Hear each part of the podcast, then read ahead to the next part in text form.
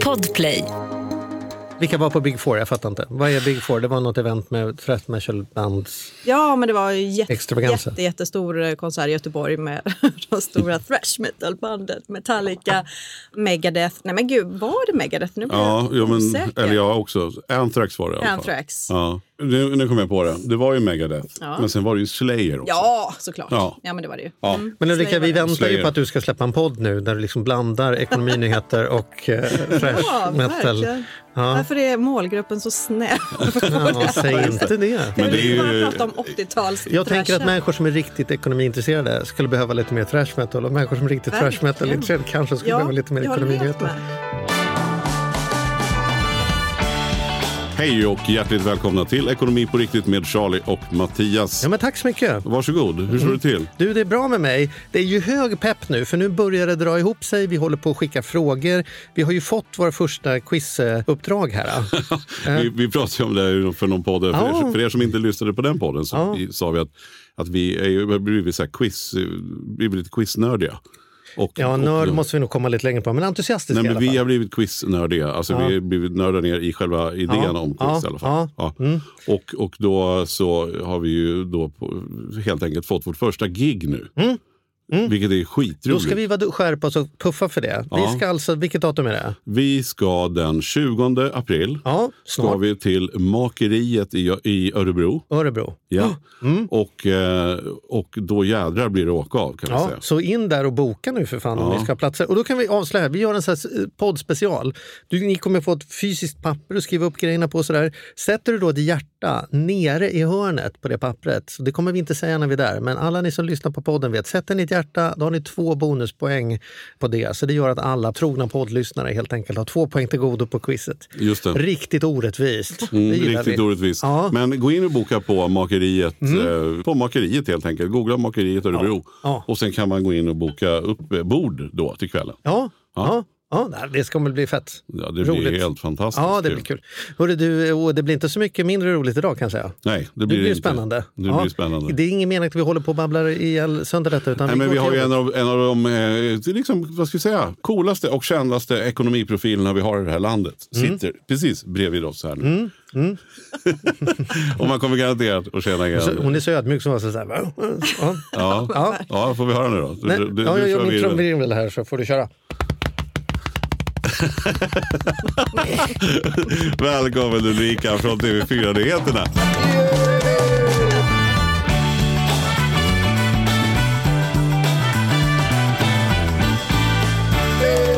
Tack så jättemycket. Ja. Tack. Hur är läget?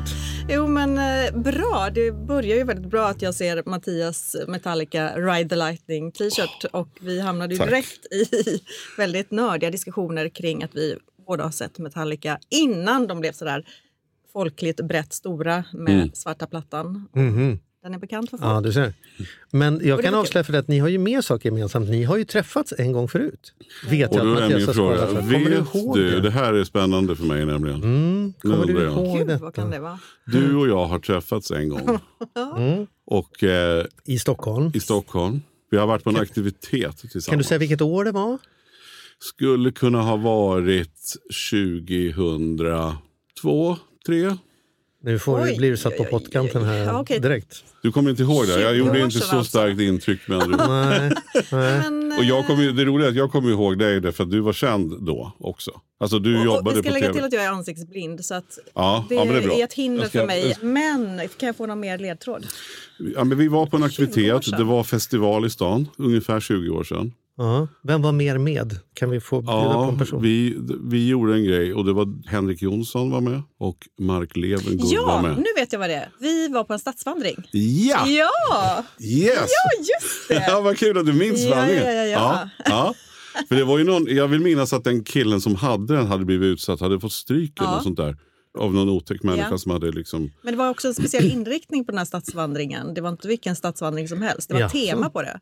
Ja, var det så? Det, vad hade, var, var, det, var, var det i samband med Pride kanske? Var, det- var det där? Jag Mattias kommer ihåg det som att ni gjorde det som en supporthandling för någon hade slagit ner en stackars människa bara för att han var homosexuell på stan och som gjorde stadsvandringar. Och Mattias sa som då går vi man ur huset och så Mm, här det går innan? gränsen. Ja, det kanske vi inte visste. Men vad var det för? Det visste vi inte. Vad var det för typ av stadsvandring? Jag vet inte. Det kommer jag inte Men ihåg. vi gick, jag vet att vi, vi vad, vad kan vi vara, kanske 10-15 per. Men du verkar som du kommer ihåg ett tema i alla fall. Va? Att det var det, inte vad det var. Nej. Mhm, okej. Meningsfullt att komma Ni ihåg. hade fullt upp med varandra, kommer inte ihåg stadsvandringen. nej, men nej, vi nej. kommer ihåg vilken stad det var i alla fall. Ja, vi, vi var i Stockholm och vi, Ja. jag minns att vi var... Ja, och jag kommer ju ihåg det, för jag, jag undrar om det var så. Henrik är en god vän till mig sedan många herrans år tillbaka. Och jag tror att ni hade gjort någon nyhetsmorgon ihop. Det var så det var. Vi körde Nyhetsmorgon-soffan. Det var någon sommar, jag vet inte, det känns som vi gjorde det ett par somrar. Mm. Ja, det var lite så här Ja, sommarspecial. det var lite lättsamt. par Och lite, veckor, ja, precis. Ja, så det var så här efter vi hade kört Nyhetsmorgon så att man var lite exakt så. extra förvirrad då för man hade varit uppe sedan 03.30. Jag som inte är någon bra på morgonen, kan du förklara? Nyhetsmorgon? Så här, hur, hur, hur länge gjorde du det? När, när... Eh, ja, men det var några somrar som jag hoppade in men jag var känslig också från, jag jobbade på TV Stockholm, alltså Mhm. lokal-tv fanns på den tiden. Sen hette det TV4 Stockholm. Det gjorde jag jättemånga år. Och eh, då var jag tjänstledig där från 2001 och jobbade ett halvår på Nyhetsmorgon i soffan. Tilde som körde söndagar skulle ut och göra något reseprogram och då hoppade Kristin Kaspersen och eh, Jenny Strömstedt in för henne på söndagarna vilket då gjorde att det blev en heltid ett halvår över medan Tilde var borta. Så då körde jag med Anders Kraft främst tror jag och Steffo. Och då var, det, då, då var det ditt jobb, det var det du gjorde? Då var det inte ekonomijournalistiken Nej, utan då satt jag där. Och eh, sen när jag började jobba på Riksfyran så började jag med morgonnyheter på Nyhetsmorgon. Mm. Hur funkar Nyhetsmorgon? För jag har ju bara tvingats dit ett par gånger. Mm. Det är liksom, jag har ju gladeligen gjort det, men jag är ingen bra människa på morgonen överhuvudtaget. Så för mig är det ju mer Fast du är ett mycket straff. bättre än vad jag är på morgonen. Så att du, det jag är du fick- som har fått gått ja, på grejer. Det är ju för att jag är så snäll och ställer upp på grejer. Men jätte, jag, jag, har faktiskt, kanske en av mina mest ångestladdade minnen i mitt liv har jag ifrån TV4 Nyhetsmorgon. Varför? Jo, därför att jag mådde inte så bra. Jag hade en cysta i huvudet som pågick, men det gjorde ändå tv och grejer. Så här, så här, jag var liksom på ett lågt ställe, men jag skulle göra det där, någon så här ekonomitips-grejen där. Så jag försöker på något sätt komma igång. Och då sitter man i någon typ av så frukostrum. Alla gästerna sitter där, liksom, folk kommer in och ut och grejer. Så. Mm, och så sitter jag där och så är det någon sån där som ska göra någon filmgrej och så sitter det någon blond tjej mitt emot mig där som, som har någon klädkollektion eller något sånt där, tror jag. Jag vet inte, man pratar ju inte med varandra Nej. ute. Man tar en ostmacka och jag bara försöker peppa igång med och då kör jag ehm, jag börjar nynna först i huvudet, sen börjar jag nynna högt för att få igång rösten. Jag tänker, jag har inte pratat, jag måste få igång rösten. Så jag börjar nynna på uh, You're the Storm. Kan jag här? Mhm, mhm. Är det Cardigans va? Mm, det är Cardigans. Ja, mm, så jag sitter och nynnar på den. Så här. Hon sitter mitt emot mig så här, jag sitter här, vi sitter en och en halv meter från och jag bara nynnar högt på den och bara tänker, ja, hon får väl tycka jag är konstig. då. Hon ser ut som hon tycker jag är lite konstig. Jag skiter i det. Jag så här, Det är nynnar på den. Det är ju många som tycker det. Ja, så är hon före mig inropad. Då är det hon. Nej, Cardigans-Nina. Då har jag suttit och nynnat på hennes låt, liksom en och en halv meter bort, Åh, bara Gud. suttit så här Ja, i typ det. fem minuter med en ostmacka och bara psykat henne. Bara, "Mhm, mhm." och sen så ska jag in, sen ska jag in och hon är förstås borta när jag kommer ut igen. Så jag får inget tillfälle att liksom be om ursäkt för detta. Jag har inte sett henne sedan dess och skulle jag göra det så tänker jag att det är för länge sedan nu för att jag ska liksom dra upp den där historien och be Nej, om men ursäkt. nu Men det- kan det bli jättekul. Ah, det var så jävla. Hela, ja, du hör ju, det kryper fortfarande. Det är min och så vid värsta... den tiden också, allting är så... Ja, det var liksom som ett blur där. Som var, ah, Men, men om du, men om Men du Noel, bara, Nyhetsmorgon precis, var vi på. Nyhetsmorgon, ja. Men om vi bara för att knyta ihop den där säcken. Om du nu, för det låter som du har bra koll på åren. När, när skulle det där kunna varit då? Minns Eh. du när du och Henrik gjorde den där? Nej, men det kan mycket väl vara som du säger runt 2002. Ja, Ja, absolut. någonstans det kan där i alla absolut fall. vara. Alltså, jag vill bara säga att vi träffades den dagen så har jag liksom alltid tänkt, för jag tyckte du var så jävla cool. Och så har jag liksom känt så här, tänk om jag någon gång skulle säga, fan Ulrika, fan jag gillar henne. Men sen har jag inte fått någon anledning. Så när vi Nej. kom på här nu så satt vi här och spårade för någon månad sedan på gäster och ämnen. Och, så där. och då, då äntligen så kände vi... Nu har du en vi ursäkt. Just om, ja, och vad vi ska göra med just det här med, med nyheterna idag. Det är inte så Ja, är positivt. Mm. och ganska jobbigt. Så här, vi ska komma dit. Men, men eh, då så fick jag, då bara sa det så här, kling, så här, kaching i min. Bara, så här, nu jävlar Perfekt. ska jag få träffa Ulrika Bergqvist. Ja. Kul! Ja. Ja, så, Nu måste, jag nu får du köra nu så. måste jag få reda på hur funkar Nyhetsmorgon? Hur mycket har man som programledare att säga till om innehållet? Hur förbereder man sig? När kommer man dit? Kan det liksom, för från rutan ser det ut som att ja, här sitter du och så bara nu kommer den här och pratar och sen är nästa. Man Precis. vet man, liksom magin bakom. Hur ser processen? Hur Och blir då ett vill jag program bara till? först säga att nu är det då, nu tänker jag så här, ja, det är 16 år sedan som jag körde. Så att nu kan jag bara egentligen svara hur det var på den tiden. För att nu Ja, det duger alldeles jag jobbar ju utmärkt. inte jag med det. Men jag tror att man fortfarande börjar 03.30. Hur sjukt är inte det? Ja. Eh, och hur mycket gör man själv? Ja, men man sitter hela kvällen innan. Och det är ju någon som har rekat såklart. Det finns ju jätteduktiga researchers som gör och skriver väldigt bra rek. Men utifrån det, man måste ju liksom läsa på allting så man kan ämnet. Man Mm. måste ha lite koll på, okej vad kommer den här gästen svara på de här frågorna? Och då kommer man förmodligen inte ställa exakt de frågorna som de står i reket. Utan man, Ja, det kan jag avslöja, det gör ni aldrig. Jag det, försöker ju tänka, liksom, vad, vad är det mest intressanta jag hittar när jag läser det här reket, vad den här personen svarar. Ja, men jag märker ju liksom att där har vi grejen. Mm. Då vill jag börja där och eh, liksom fördjupa det istället för att ställa de här tio olika frågor om ämnet. Men innehållet, hur mycket har man att säga till om? Hur mycket har man säga till om? Kan du sitta och kolla på liksom, en ny film med Peter Stormare och tänka så här, det där skulle vara intressant att intervjua honom på och bara säga, hörni, kan vi ta dit honom på torsdag? Eller är det liksom, ställs det mest vara- Mm. inför, här någon, vem bestämmer vem som ens ska, Ja, vad ämnet ens ska bli? planerande redaktörer. Och det är redaktören en egentligen som bestämmer. egentligen Ja, bestämmer ja. det säga. Ja, just det. Och hur är det nu om Så vi kommer till fram till där vi är idag då, med ekonomi? När blev det ekonomi för dig? Det blev det. Jag hade kört då morgonnyheterna, Nyhetsmorgon. Drygt tio år sedan så blev det en lucka på kvällen på Ekonominyheterna. Och jag var först så här, men gud, jag är inte ekonom. Hur ska jag kunna göra det? Det går ju inte. Jo, men det kommer säkert gå jättebra och, och du kan få gå någon kurs om du vill. Försök att hitta någonting, du får gå vad du vill. Liksom, och så, det kommer gå jättebra. Så jag var lite orolig där i början men tyckte att det var väldigt kul och man lär sig mer och mer. Sen har ju Ekonominyheterna under den här tiden väldigt mycket övergått till att bli mer hushållsnära plånboksfrågor. Alltså allmän journalistik egentligen, det som jag kan bra för jag är journalist och har många år bakom mig. 26 år tror jag jobbat som journalist. Nej, 26 år i TV4, herregud. Oj, och dess, jädrar. dessförinnan lite Sveriges Radio också så att behöver väl närma oss. Men den förändringen som har skett där då, från Ja, Jag känner ju. Mm. igen den förändringen. Jag tänker att min upplevelse från utsidan är att först fanns det bara nyheter och sen Mm. hittade man på att nu ska det vara ekonominyheter.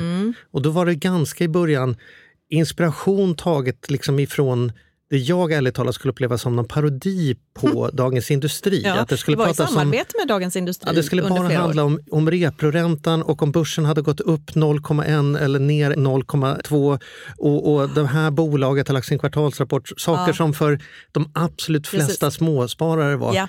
helt jävla Mm. ointressant. Och faktiskt ärligt talat tyckte jag då, då på den tiden gjorde nästan svenska folket en otjänst därför att man fick folk att tro att det här med sparandefrågor var mycket mer komplicerat att det var. Som att man behövde kunna och förstå allt Ja. det där som nyheterna sa för att ens öppna en aktiedepå. Och Liksom. så ska det ju verkligen inte vara. Känner du igen den beskrivningen? Ja. Att det blev lite skitnödigt Att- ett tag där? Ja, absolut. Jag var inte med när det drog igång själva, men, men jag vet att det var i samarbete med Dagens Industri.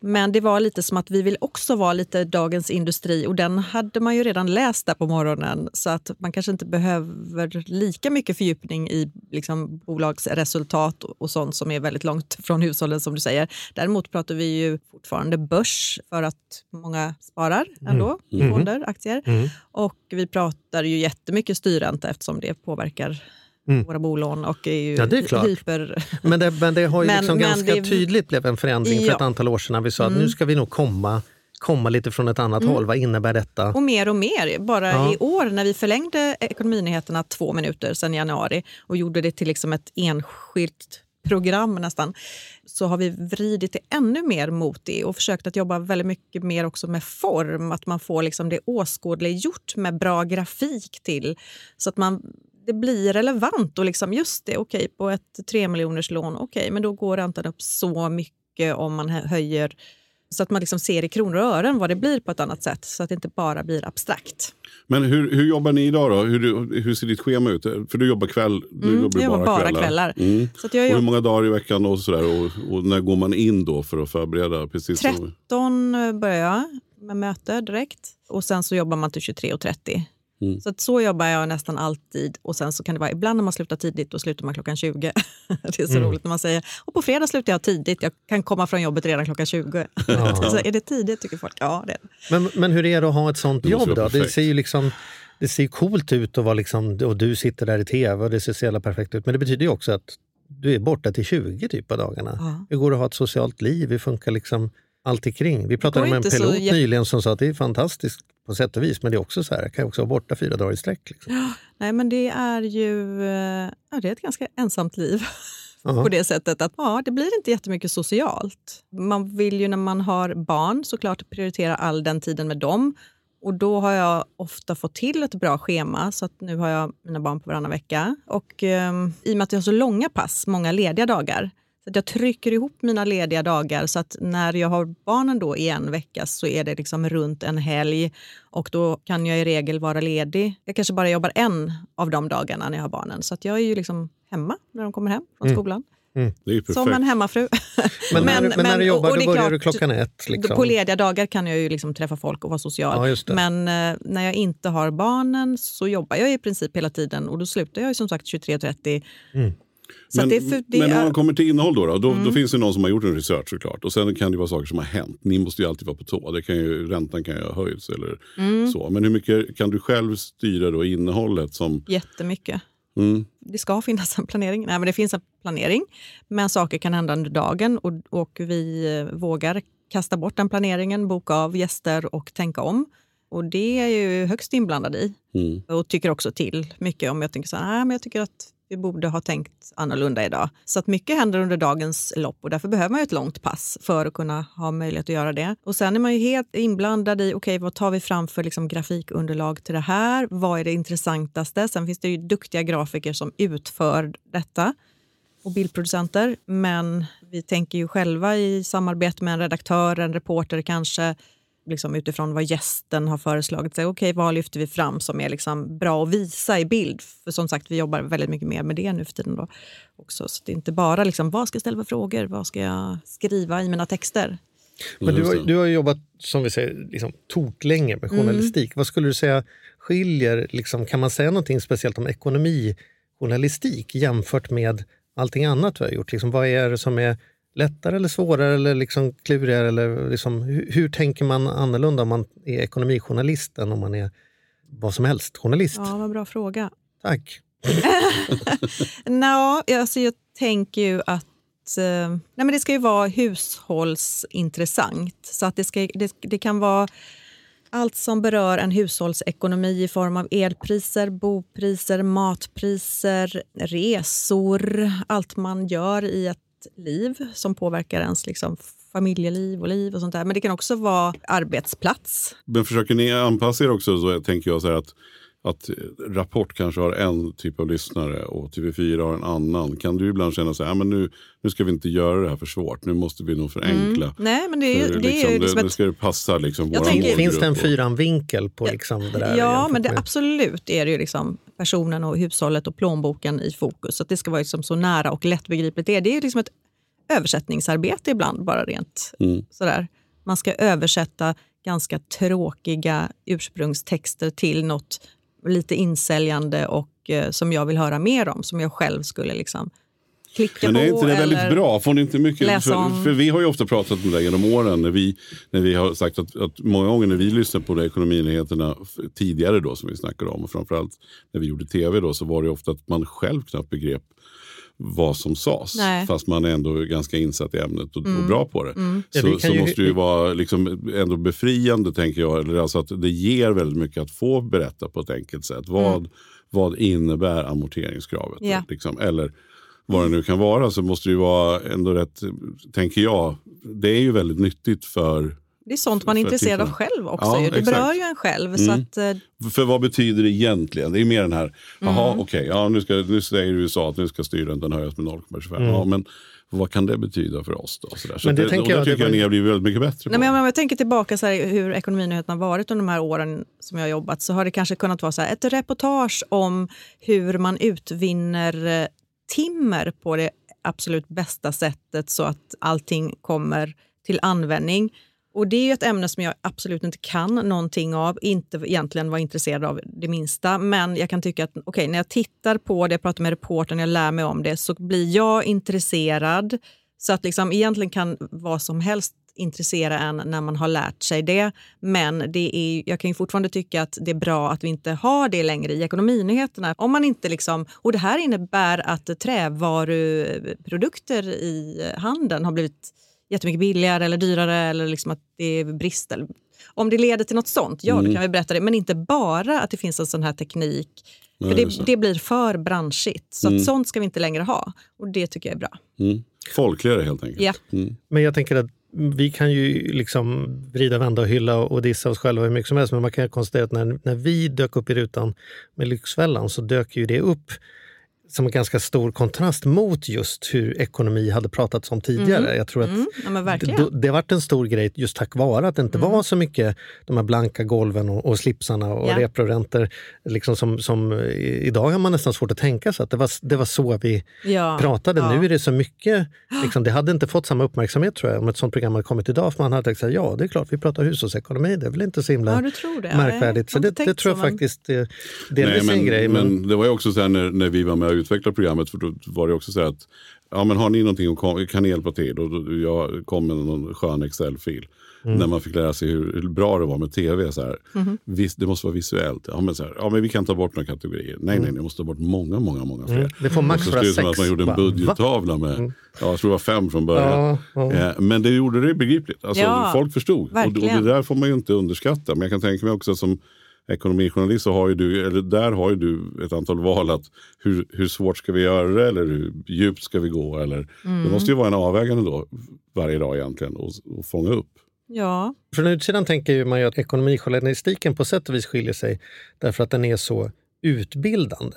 Mm. Om man är nöjesjournalist och så berättar man vilka filmer som var bra, det blir ju inte samtidigt att man behöver hålla så mycket kurs och förklara varför regissören har valt det här greppet eller vad det innebär Nej, för dig som tittar. Det. Utan mm. då kan man bara mm. säga, han har gift sig med den och Ukraina har gränsen flyttat sådär. Medan med, med, med ekonomijournalism så är det liksom, liksom lite inbyggt att man förväntar sig att förklara ja. vad det innebär mm. och, och liksom reda ut begreppen. Och det blir också då att vi alla behöver väldigt olika. Vissa är som så här, suck, ska jag behöva, förklara inte för mig räntan en gång till, det har jag fattat. Eller mm. det fattade jag i mm. morse. Mm. Nu vill jag höra analysen om vad vi tror att det, hur det hänger ihop ja. med det som händer i Ukraina. Alltså, Så det finns liksom väldigt många olika nivåer. Ja, ja, verkligen. Tänker jag, och mm. skiljer sig mot mycket andra områden på det sättet att man har liksom ett indirekt utbildningsuppdrag. Mm. Tänk, för så måste ju ni ja, men, tänka absolut. mycket mer man på ska ju känna när man har sett det, förhoppningsvis. Vi vill ju att man ska känna att okej, okay, nu är jag lite på banan, jag känner mig lite smartare när jag tittat efteråt. Mm. Jag känner att jag hänger med och liksom, vad behöver jag tänka på? Det får jag veta. Mm. Tänker ni, alltså, om man pratar om börs och liksom hur det går, det är ju väldigt mycket om vad folk tror. Mm. Det är ju ganska mycket påhitt och alla rusar mot dörren samtidigt yep. och går upp och går ner och sådana saker. Där har ju media en jättestor makt. Om man sänder ett inslag om att nu, nu kanske det är läge att binda räntan, ja, då kan man räkna med att det blir väldigt många som gör det. Eller mm. om man väljer att presentera det där var en dålig kvartalsrapport istället för att plocka fram den där. Ja. Då kommer Nej, det man... bolagets aktier sjunka. Jag menar, du skapar ju, inte du personligen, men det blir ju faktiskt du, mm. skapar ju miljarder i uppgång och miljarder i nedgång för bolag utifrån vad man på redaktionsmötena väljer att vad ska vi ta och inte ta. Är det någonting men det, som, som det tänks på eller som man liksom Ja, men framförallt är det väldigt mycket hur man formulerar sig. Man kan aldrig liksom, så här kommer det bli. Utan mm. man får alltid reservera sig med hjälp av formuleringar och bjuder man in en gäst, då är ju, den måste ju också få kritiska frågor. Mm. Så att eh, man får den bilden också. Men är det klurigt? Är det, är det liksom är det svårt att försöka hitta hur kan vi berätta om detta utan att vi liksom skapar någonting i vårt berättande? Eller men sen så har fråga? vi ju inte heller så mycket... Ja, men du tog exemplet med liksom hur det kommer gå för ett företag till exempel. Den sortens nyhetsinnehåll har vi inte längre egentligen. Nej. Ja, men okej, men vänder på det. Så jag ger ett exempel, jag hittar på ett exempel mm. nu. Då. Ehm, börsen går ner. Vi har, mm. Den har tappat den har tappat 22 procent och mm. så slänger man upp det som börsras. Det är liksom den värsta nedgången som har skett på år och dag, mm. skulle man kunna säga. Mm. Eller ska man kunna säga att börsen har gått tillbaka till vad den var för två år sedan. Mm. Du har lika mycket värde nu som det hade för två år sedan. Mm. Bara den två olika sätten att berätta den nyheten gör ju att tusentals småsparare antingen fortsätter spara eller pausa sitt fondsparande. Ja. Det är ju ganska uppenbart att mm. där har ju ni inte bara ett utbildande utan direkt påverkande ja. hur man berättar en historia. Och där får ni ju inte Förstår du vad jag menar? Det, är det liksom en tanke att, att man tänker så här, vad händer Ett sånt om vi exempel blir ju att det blir en sån stor nyhet. Det blir ju det man lägger krut på ja. den kvällen. Ja. tänker jag. Och då har man ju, det måste ju liksom ingå i frågorna till vad gästen eller intervjupersonen i inslaget ska berätta. Mm, mm. Så det blir ju en del av det liksom, utbildande från den personen då. När du tittar Men att på, att, för du tittar ju på många andra. Vad är det du själv tittar när du, ställer, när du ser hur andra... Vad gillar du, vad gillar du inte? Liksom så här, vad, är, vad är för dig bra ekonomijournalistik? Liksom? Och vad är inte lika bra? Uh, oj, vilken svår fråga. Jag tittar ju på de här, liksom så här jag läser det, jag tittar på liksom deras tv-sändningar och lite olika och de är ju bra på sitt sätt för sin målgrupp. Men det är ju inte vad vi gör, utan då skulle jag säga att då är vi lite mer åt plånboken i P1 som är ju verkligen ett konsument... Eh, ja, men det tycker jag är jättebra konsumentjournalistik. Mm. Och vad är det som är bra med det då? Varför är det... Det är också hands-on, väldigt konkret. Och det är eh, om ämnen som berör var och en.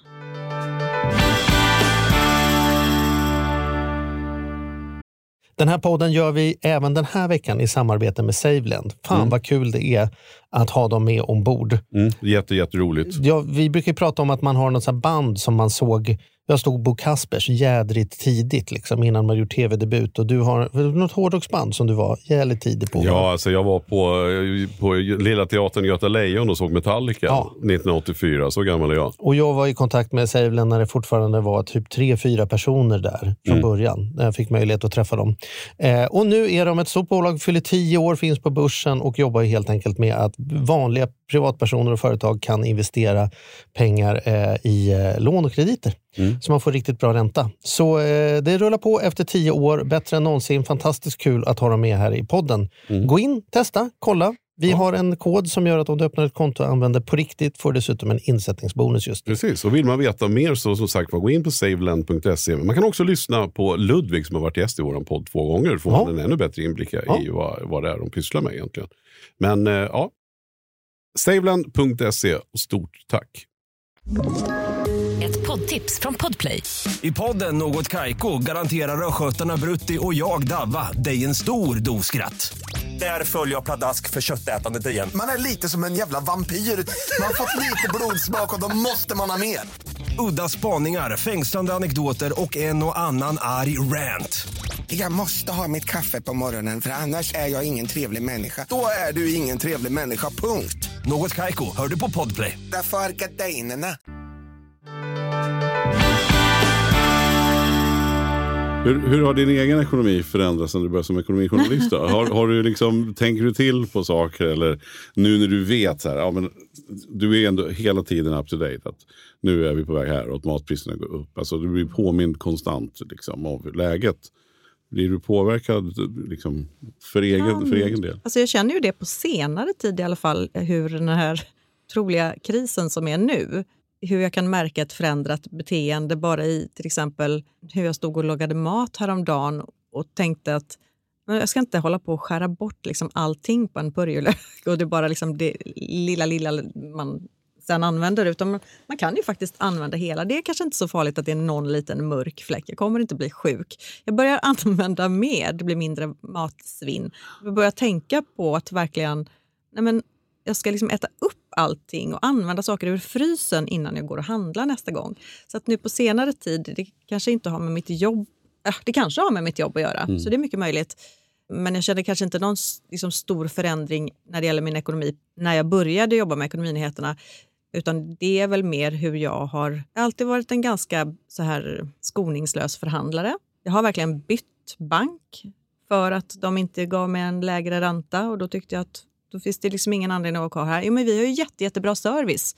Ja, men vad är det för service då om jag inte kan sänka räntan fast jag kan göra det på en annan bank? Det kallar jag Så du är tuff så privat? Mm. Ja. ja.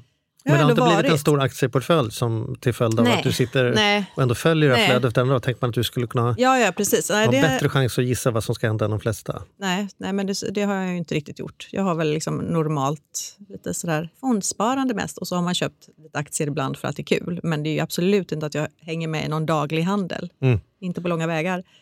Men det var, det var kul att du sa det där med maten. För att jag, jag vet inte vad som har hänt, för det är exakt samma sak för mig. Ja. Jag tror att, Men du har väl aldrig slängt bli... en liten bit på en purjolök någonsin? Det värsta du vet är ju att slänga mat, det vet vi alla. Jo, men ändå så gör jag ju. Jag, jag, ah, jag tar ju upp det att jag hatar det därför att det hela tiden händer. Det, mm. det är det som är så irriterande. Men, men sista tiden så har jag känt att jag vill inte bli lurad. Alltså jag, har, jag har fått ett agg mot handlarna. nu har ju liksom några handlare, nu de skulle de börja sänka och har gjort det delvis. Då, mm. Men, men, men jag känt så här, fan jag, jag, känner mig lurad. Man vill aldrig känna sig lurad. Man vill, man vill alltid försöka göra någon slags bra deal. Mm. Och inte vara en av dem som, som går på det här. Så att när jag var handlad sist, så, så, utan jag ska inte lägga några värderingar i varumärken, men jag har aldrig köpt en tub Svennes kaviar i hela mitt liv. Utan jag har bara köpt, köpt Kalles. Mm. För att jag bara har tänkt att Kalles är gott, det har funkat. Liksom. Yeah. Jag har inte tänkt efter. Jag har tänkt att ska jag ha en kaviarsmörgås så har det blivit Kalles. Sen såg jag när jag var och handlade sist, då bara ser jag det, bara stod en stor låda med Svennes kaviar. Och så tittade jag så var den 15 spänn billigare. Jag tänkte den där, den där tar jag. Nu ska jag fan inte jag bli lurad. Och jag la inga värderingar egentligen. Så här. Och sen har du provat den då? Ja, ja smakade ja. skitbra. Ja. Det var inget fel på den. Nej, nej, nej. Det är, är inget fel, den var god. Det smakar som kaviar. Ja. Jag är ingen kaviar liksom, kondensör, så jag kan inte ut. Men, det, men den här känslan har liksom mm. börjat krypa mm. i mig att jag vill inte bli blåst när jag handlar. Jag vet inte om det är den grejen. Man, man vill inte vara en sån som drabbas eller går på det här Nej. eländet som pågår. Tänker du att du är, är, mer eller mindre orolig? För det tänker man om man, om man när vi har människor här som kanske är journalister som är experter på politiska läget eller på krig eller sådana saker så tänker man att å ena sidan är det mycket mer farliga saker de får läsa om hela dagarna mm. men å andra sidan är de också bättre insatta. Tror du att du är tryggare eller, eller, eller oroligare? Pratar du nu om nyheter generellt? För jag jobbar ju också ibland ja. med vanliga nyheterna. Menar du, menar du oro ja, för världen och, och jag tänkte krig och elände? Ja, jag tänkte vart, Utan oro för vart pengarna ekonomi. är på väg eller ekonomin är på väg. Eh, nej, men jag är absolut inte vaccinerad från oro. Jag tror du skulle säga absolut inte vaccinerad. Det är inte på det är en annan ja, Jag är som sagt väldigt vaccinerad eftersom jag är så här, hängslen och livrem ja. i allting. Nej, men, eh, men det är som du säger, när man kan så blir man ju lugnare. Mm. Jag har också erfarenhet av, jag har sålt många bostäder och alltid jag som har hållit i både köp och försäljning. Mm. Även när jag har liksom levt i en familj med mm. partner. Så är det liksom allt från sommarstuga till ja, nybyggnadsprojekt det förhandlar man inte om, men man kan sälja det. Villa, ja, men olika former av bostadsrätter. Det har flyttats och köpts och sålts. Mm. Ganska många, men man får mycket erfarenhet av det. Mm. Då, men det är mer hur du har levt ditt liv som har gjort att du blivit tryggare och tuffare än att det är det faktumet att du sitter i det nyhetsflödet du sitter hela dagarna. Låter det som då? Jag, jag, blir, jag blir nog inte hjälpt i min... Fast jag nu tänker jag mycket på liksom det här allt annat eh, hemskheter i världen. Mm. Ibland kan man känna så här, usch, är det här bra för mig att jobba med det här och bara ja. få det här inflödet av hemskheter hela tiden. Mm.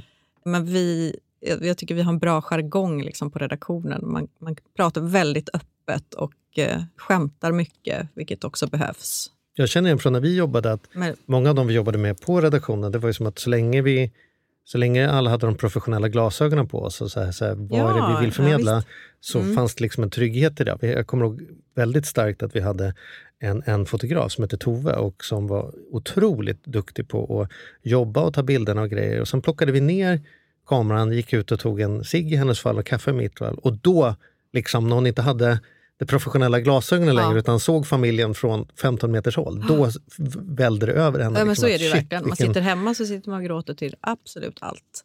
Men är man på jobbet så är man så här, upp, upp, det här blir fyra minuter, det blir tre minuter och ja, det här är effekterna. kan i och för sig titta på lite inslag när man har långt kvar till sändning och mm. sitta och gråta till olika saker. Mm. Men, det in, måste ju ändå vara men inte bra. väl i sändning. Nej, men det är häftigt. Det är bra att ni kan ha så. För, för det är ju, det måste ju vara så. För att jag känner, jag orkar inte med alla nyheter. Jag tittar mindre på nyheter mm. nu. För att det är så jävla jobbigt att ta in allting. Så jag, jag, brukar dra sena, alltså play, sista sändningen mm. av någonting. Antingen är det er då eller Rapport eller vad nu som ligger närmast. Liksom.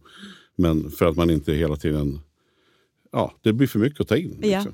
Och jag tycker också det med, med barnen också. att det blir ju ingen, man, man höjer knappt på ögonbrynen heller för saker längre. Att det är en skjutning Nej. eller att det har hänt någonting utanför samma kvarter man bor eller vad det nu kan vara. Så... Nu tror inte jag ekonominyheterna är så mycket så, men min upplevelse... Nej, men jag tänker ändå nu nej, som, nej, nej, som nyheter var på ja. nyhetsredaktion. Ja, mm. Där upplever jag att jag, tror att jag tycker nyheterna har blivit riktigt duktiga på att plocka fram det mänskliga perspektivet mm. och liksom det personliga och sådana saker. Och sen kan jag då personligen åsikten att jag kan tycka att den pendeln ibland har kanske slagit lite väl. Att man får inslag som blir, handlar väldigt mycket om hur det är för den här personen i situationen och väldigt lite analys av vad det beror på. Jag mm, satt, satt och mm. såg när Ukraina-frågan, ja, då, då, skulle man prata om hur spannmålspriserna påverkat och då var liksom 90% av inslaget var om en enskild fattig kvinnas oro för hur hennes barn skulle få mat. Och det kan jag förstå, men jag lärde mig inte ett dugg om varför går spannmålspriserna upp, vad kommer det innebära, mm, vad tror följderna mm. blir. Men vi fick gråta väldigt mycket om hennes oro om sitt barn. Och då blev jag så här, det här är på gränsen till inte längre nyheter. Det här är mer ett obehagligt livsstilsreportage som vi kanske behöver. Mm. Så, att, så att det finns också en hårfin gräns att göra saker mänskligt och personligt och connectande. Men jag, vill ju ändå, jag lyssnar på nyheterna för att få någon typ av beslutsunderlag, inte bara någon typ av anekdotisk bevisföring ja. om att någon människa mår dåligt över det som pågår nu. Liksom. Vi tar ju ofta avstamp i ett case, som mm. kallar det då, en människa. Mm. som har varit med om något eller har något att berätta. Och då är ofta, om man säger ett reportage, är väl liksom uppbyggnaden ofta att man tar avstamp i den personen och den miljön, breddar det, gör det liksom Just det. makro, för att sen avsluta hos den personen igen. Ah, som ja. kanske liksom fullföljer det den hade gjort en liten cliffhanger på mm. medan man också liksom breddades och kom ut i världen lite mer och mm. fick veta lite helhet. Det, mm. Så är det ju ofta men, är också... men då var det i det fallet då kanske ja, för ja, stor det beror, andel. Det beror man är. Jag är analytiker ja. och jag kan ju ibland, mm. det har inte med liksom TV4 speciellt, jag kan sitta i bilen och höra, höra Dagens Eko eller liksom bara de snabba nyheterna och skrika rakt ut i bilen så här, analys, det här har gått 3 procent. Jag bara, analys. Varför? Jag mm. skit, är det mm. mycket, det lite? Jag har ingen aning Nej. om detta. Är det bra, är det dåligt? Att bara redovisa att liksom, den här personen fick 12 procent. Jag säger ju ingenting. Nej. Så att jag menar, jag är lite analystokig. Men det jag framförallt tycker som jag studsar på på nyheterna, nu ska jag verkligen inte vara någon som kritikerrunda med dig, men det är den här, min favorithatfråga. Den är så här, borde vi vara oroliga? Och för mig är ju svaret alltid att oro leder ju aldrig till någonting bra. Ingen människa Nej. har ju en bättre situation för att man är orolig. Nej. Frågan är, så här, borde vi förbereda oss bättre? Mm. Borde, vi, borde vi engagera oss mer i den här frågan? Men att hela tiden plocka in experter och fråga, ja nu händer det här med corona, borde vi vara oroliga? Nu händer det, det här med börsen, borde man vara orolig? Mitt svar är ju liksom så här, det är klart man inte ska vara orolig. Ingen har ju sagt så här, bästa i mitt liv det var att jag var så orolig. Det hade jag en fruktansvärd nytta av. Nej, liksom. men det är ju verkligen att börja betala ränta på ett lån som man aldrig har tagit. Eller hur? Mm. Ja. Så att, eh, men det var inte som att skicka med det till dig. Och det är dig, så lätt man... att säga till någon annan och ändå ja. så är det lätt att oroa sig. Men, men jag tänker också, kan det vara också en risk eller det jag kan tycka är obehagligt med nyheter som är väldigt fascinerande med nyheter. Men just det här när när dreven går, jag, eller jag har inte varit nära peppar peppar, men, men och nu tänker jag för mina klienters räkning, just det med metoo till exempel. Mm. När, när man eldar på, man får en sån här feeling och nu jädrar, och nu är det den. Liksom. Mm. Men jag kan också tänka på att ta som polischefen för inte så länge sedan. Mm. Alltså ansvaret som man har i nyheterna. Man kan ju tycka att en sån kille som är polischef borde, han tål väl hur mycket som helst. Ja nu ska vi hitta vad har han gjort och hur länge har de haft en relation och hur, mm. hur har de legat och varför och hur. Alltså, och sen händer en sån här grej. Och jag tänkte just också som metoo med Benny Fredriksson. De här, jag, jag tyckte det var obehagligt. Finns det någon, vill... jag vill bara ja. fråga, vad är, vad är din reflektion på det? Liksom? Nej, men, jag tror det var väldigt många som blev chockade här nu med Mats Löfving där. Att det var ju oerhört tragiskt och det vet ju bara folk som var nära honom hur oväntat det var. Det är ju det läskigaste tycker jag var faktiskt att den, om man tittar ur medieperspektivet, att det var en rad, framförallt kvällstidningar såg jag, som plockade ner sina artiklar. Mm. När, och då tänker jag så här, ja det kan man göra för respekt för familjen och respekt för honom och sådär, men du vet, man la ändå upp dem och då var man okej okay med det. Ja. Det är lite tycker jag att man har, i det här fallet då, nu ska jag vara hård, åsikt, inte fakta. Drivit en person till att ta sitt eget liv med sitt drev och sen så när han väl gör det, då sopar man igen spåren och tar bort de där artiklarna där de, de sakerna stod som faktiskt mm. bidrog till detta. Det hade varit mer rakryggat att säga vi står fortfarande för vad vi sa och vad vi tyckte och vilka ord vi använde. Ja, det är inte, det är inte alltid så snyggt det där med... med men vad, vad säger du Rika? Nej men det är obehagligt och det, det måste man ju alltid tänka. Tog vi i för mycket? Vad kan vi lära oss och vad kan vi göra annorlunda? Det, det, det måste man ju reflektera kring. Och sen är det ju, första tanken tror jag från folk är väl så liksom, ja fy hemska medier, de, de, de drevar som bara den. Och det, och, det, och det är ju sant, så kan det ju vara, men det är ju också alla sociala medier, kommentarsfält. Det är ju folk i allmänhet som sitter där liksom på Facebook-sidor och Twitter och på mm. vad det än kan vara. Och kanske till och med hot på andra sätt också. Men det är en balansakt ändå, det, måste ju vara varje gång, alltså ja, alltså, hur långt ja, ja, man ska dra det där. Mm. Liksom. Och för det händer ju saker hela tiden. Mm. Och nu var det här oerhört tragiskt såklart och var väl ingen som hade Ja, men som jag säger, kanske just med tanke på hans roll och polischef och st stor och stark mm. kille. Liksom, så. Mm. Men, ja, men det är ett ansvar. det är verkligen ett ansvar. Liksom. Så att det är ja, tufft att vara ansvarig utgivare. Det är ofta att, att man är vi osäkra på redaktionen, då är det så här, vi måste ringa vår ansvariga utgivare och fråga, för här mm. vet vi inte riktigt och vi behöver veta. Och då får vi en rekommendation, eller inte en rekommendation, vi får veta att det är så här vi behandlar det och då gör vi det så. Mm. Och så hoppas man såklart att det var rätt, men ibland blir det ju fel. Mm. Och det är ju hemskt. Ja, verkligen. Avslutningsvis då, om vi ska liksom blicka framåt. Vad tror du, om du ska få en liten trendspaning, vad tror du, vart är ekonomijournalistiken på väg? Vad kommer vi, vad kommer vi se mer av i framtiden? Vad pratar ni om? Så här, är, här gör vi, det här är åt rätt håll. Liksom. Vad är framåt inom journalistiken när vi pratar ekonomi? Jag tror att detta som pågår nu kommer ju verkligen fortsätta kanske längre än man trodde från början. Man pratar mycket om att om en inflationen den vänder väl ner senare i år har man på något sätt liksom hört. Men vad betyder det egentligen? Till att börja med vet man inte att det blir så. Mycket kan ju hända och det är så mycket andra orosmoment som är så osäkra i omvärlden som påverkar. Och det behöver inte heller betyda att liksom, räntorna följer med lika snabbt utan de förväntas ju både gå upp här nu under året, ännu mer, och, eh, jag menar, vi hörde så sent som idag Konjunkturinstitutet som pratade om liksom att hushållen har aldrig någonsin haft det tuffare med liksom, de här snabbt stigande priserna och bland annat då boräntorna, hur mycket de liksom på kort tid har stegrat och kommer fortsätta göra. Så att under lång tid är det det som kommer påverka, tror jag. Osäkerhetsfaktorn. Liksom. Ja. Jag gillar det att riksbankschefen gick ut och sa att vi gissar ju efter bästa förmåga, men ett problem är att alla andra, inklusive journalistiken, tar våra gissningar på för stort allvar, för vi vet faktiskt inte. Ja. Vi, vi, vi, gör en bedömning, men, men lyssna inte för mycket på oss, för vi vet på riktigt Nej, och jag liksom. menar, Erik Thedéen sa senast när de hade det här stabilitetsrådsmötet för ett tag sedan, att eh, ja, men vi i Riksbanken har haft fel i mm. våra prognoser. Och, och, jag menar nu, nu beräknar man så här, ja men det kommer ju bli jättetufft. Det är fortfarande en ganska, det är så 4 procent som man tror, de klarar inte de här höjda bostadsräntorna, om vi tittar specifikt på dem. De får inte intäkter och utgifter att gå ihop på grund av hur det har ökat, men det är fortfarande liksom 96 procent som ändå förmodligen kommer klara det. Men de prognoserna är gjorda utifrån att folk har en inkomst fortfarande. Och vi ser ju nu hur företag får svårare och svårare. För folk slutar, man har inte råd att handla. Vad händer då med jobben? Allting bygger på, i de prognoserna, att det fortfarande finns en inkomst. Och finns det inte det och liksom bostadspriserna går ner, räntorna fortsätter upp och det då skulle bli fler, Gud, nu är det som att jag sitter liksom och hetsar. nej, det var Nej, men, Än så länge beskriver du exakt, fakta. Exakt, bara, om, du, om du slutar med exakt, att säga att vi borde vara oroliga, då blir jag arg. det här var det de pratade om nämligen idag. Ja. Så jag vill liksom ja. ändå hänvisa ja, till att det är inte jag som hittat på det här. Jag hörde detta.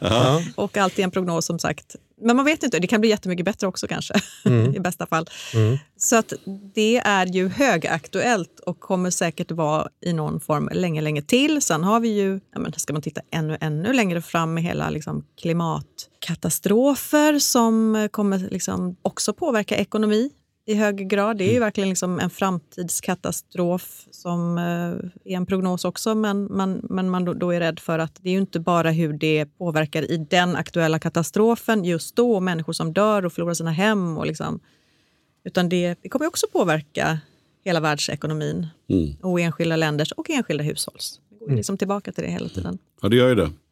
Och det, är ju, ja, och det berörs ju både högt och lågt. Liksom allt ifrån det här med att ha råd med att ge barnen aktiviteter och köpa utrustning till idrottsgrejer till liksom, eh, ja, de här mycket, mycket större frågorna. Mm. Så det, är ju, mm. ja, ja, det kommer inte vara brist på eh, ekonominyheter framöver i alla fall. Nej. Nej, det, du kommer att göra på dagarna.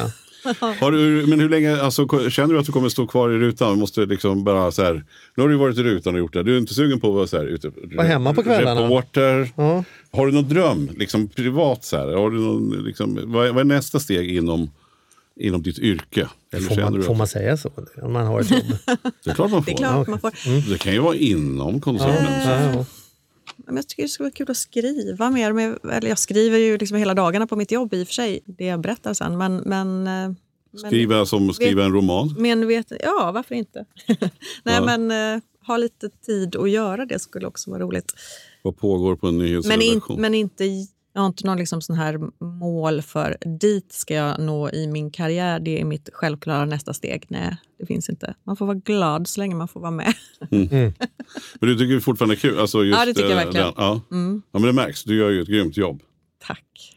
Men jag tycker det är jätte, jättekul. Och det är ett jobb som tacksamt på det sättet för att man säger så, jag har jobbat på TV4 då i 26 år. Jag borde väl vara jättetrött på det, men det har ju varit liksom på lokal-tv först i olika städer, ganska länge på TV Stockholm. Sen jag började på Nyhetsmorgon, det var liksom en helt annan typ av program. Det är inte liksom, jag tycker inte det liknar det vi på mm. nyheterna håller på med på kvällarna. Så att det, liksom, det, det är verkligen variation i det. Och sen att jag framförallt gör ekonominyheterna, men vi har inga ekonominyheter på sommaren, så då jobbar jag bara med liksom vanliga nyheterna så det är liksom en variation. Plus att jag har förstått på andra arbetsplatser att det kan vara så här, liksom, oh, gud, är klockan mer än ah, tre timmar kvar liksom, innan man får gå. Och det, är liksom, på vårt jobb är det tvärtom. Bara, Åh gud vad klockan är mycket. Nej men gud, jag måste liksom köra på här nu. Så att klockan går ju för snabbt hela tiden. Så att även om jag jobbar jättelånga jätte pass så, så rullar ju de på väldigt fort. För det är så mycket hela tiden och man jobbar ju mot en Men du är inte sugen att hoppa in och göra Efter fem till exempel? Alltså med lite mer programlederi? Nej, nej, egentligen inte. Och ifall... Det kanske hade varit kul någon enstaka gång men inte som att liksom jag vill börja övergå till det. Nej. nej. Jag tänker att det finns också en fördel i att, liksom, att vara nyhetsankare eller då ekonomi. Nu är det lite form av att man har en gäst och sånt där men det är liksom mycket mer oprofilerat än att till exempel sitta i Nyhetsmorgonsoffan. Och när jag gjorde det för 20 år sedan, eller hur länge sedan det ja, det senaste var väl då kanske 15 år sedan, det var liksom innan sociala medier och allt sånt där drog igång. Det har blivit så väldigt profilerat på ett sätt som inte bara kanske är på gott. Mm. Vi har ju en sak gemensamt och det är musiken. Det har vi mm. konstaterat. Men det vi, Charlie och jag, som vi pratade om inledningsvis att vi ska ut och quizza. Vi älskar ju serier. Så vi pratar en hel del om serier i podden. Så nu skulle jag vilja att du säger, säg, säg dina tre favoritserie? oh, herregud, jag är så dålig på att titta på serier. Alltså du är det? Jag ja. trodde att du var en serietittare. Mattias tänkte att eftersom ni hade hårdrocken ihop så är ni säkert lika i alla ja, områden. Men du kollar inte så mycket. Men när ska man hinna titta på serier? Jag fattar inte hur får förmiddagarna. Han har inget jobb. När du, när du, när du, jag sover ju typ till ja. klockan... Ja, ja, ja. För att jag går kanske inte och lägger mig förrän två eftersom ja, jag, jag kommer hem Men så vad gör du mellan ett och två? Då kan du väl dra ett avsnitt innan du går och lägger dig? Liksom. Nej, men jag kommer ju hem och går och lägger mig direkt i princip. Men jag är inte hemma förrän kanske ett innan man liksom är ja, färdig med möte efteråt, har skrivit en liten avstämning, sminkat av sig, klätt om, städat bort på skrivbordet för det har man inte hunnit under, det är ganska liksom högt race där under kvällen så att det liksom innan man är hemma, då är det bara liksom att gå och lägga sig. Så, det liksom, så, men, så, ja, så vad tittar du på? Men, men med det sagt, så jag, för jag var sjuk och då hade jag ju tid att titta på lite serier. Men det var ju också, tänk att jag sätter igång och börjar titta på SVT Arkiv Svenska hjärtan. Kommer oh. du ihåg den? Karin Mannheimer. Ja, jag kommer ihåg men det, men det var inte och, min och, och snacka om liksom ett spännande tidsdokument, för det är så mycket som överensstämmer. Jag, jag, vet, jag tror att jag la ut någon bild om det, liksom att man ser hur någon sitter och läser tidningen. Inflationen rekordhög. Och detta utspelade sig då, det var ju under lite olika år, men så slutet av 80-talet, början av 90-talet, mitten av 90-talet. Man får följa hela den krisen och den är liksom illustrerad så otroligt bra i olika livsöden där de här radhusfamiljerna. Mm. den säger så mycket om den tiden på ett spännande sätt. Som det är likheter men också otroliga skillnader. Och sen, ja, Karina Mannheimer var ju liksom fantastisk. Så det jag vill ändå rekommendera den. Och den Kul. var också den första som var så här, liksom, en medelålders kvinnas berättelse liksom, i fokus. Man är inte bara en mamma eller någon, utan det var liksom huvudroller. Man hade ju aldrig sett det när det kom. Så den tänker jag rekommendera. Vad har jag sett? Jag såg någon serie om eh, John Adams, alltså vad blir det då?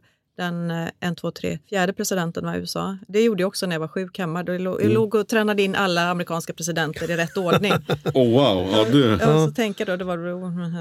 det låter som en, som en Charlie eller din fru Andrea-grej. Ja, det, det kan nej, nej, han är ju andra presidenten. Så Washington, John Adams, Jefferson, Madison. Ja, just det. Han är ju nummer två ju såklart. John mm. Adams. Men vad hette den serien? Den var jättebra. Ja. Jag har ingen aning. Nej, den har jag, jag inte sett faktiskt. Sen så tyckte jag det var kul att se The Morning Show. Ja, det, för det tänkte jag, fråga, det tänkte jag fråga förut vi satt och pratade. Ja. Jag måste fråga om du har kollat på Ja, den älskar den jag. Är ju den satt jag och min dotter och tittade på. Så kul. Mm. Ja, ja, den är ju fantastisk. Ja, den är ju det kommer väl en trea snart? Ja, det hoppas jag verkligen. Ja. Så ja, den ska jag rekommendera. Ja, och bra, där är, mm. vi, där är vi helt överens. Mm. Vi kanske ska sluta där. Men det var tre. Ja, det var tre. John Adams, Svenska hjärtan och, och The, Morning Show. Toppen. Fantastiskt kul att ha dig här. Ja, det här med ett jättespännande ämne. Ja. Det är ju liksom, vissa ämnen kan, har ju alla människor åsikter om och det, som, mm. det här är ju en sån fråga. Och berör alla. Ja, alla ja verkligen. Ja, så, eh, tack för ditt fantastiska jobb och keep up the work och tack för att du kom hit. Tack för ert Stort jobb och tack. tack för att jag fick komma. Tack.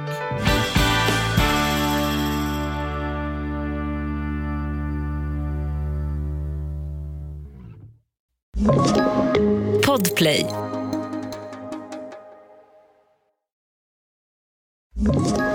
Ett poddtips från Podplay. I fallen jag aldrig glömmer djupdyker Hasse Aro i arbetet bakom några av Sveriges mest uppseendeväckande brottsutredningar. Går vi in med hemlig telefonavlyssning och, och då upplever vi att vi får en total förändring av hans beteende. Vad är det som händer nu? Vem är det som läcker? Och så säger han att jag är kriminell, jag har varit kriminell i hela mitt liv men att mörda ett barn, där går min gräns. Nya säsongen av Fallen jag aldrig glömmer på Podplay.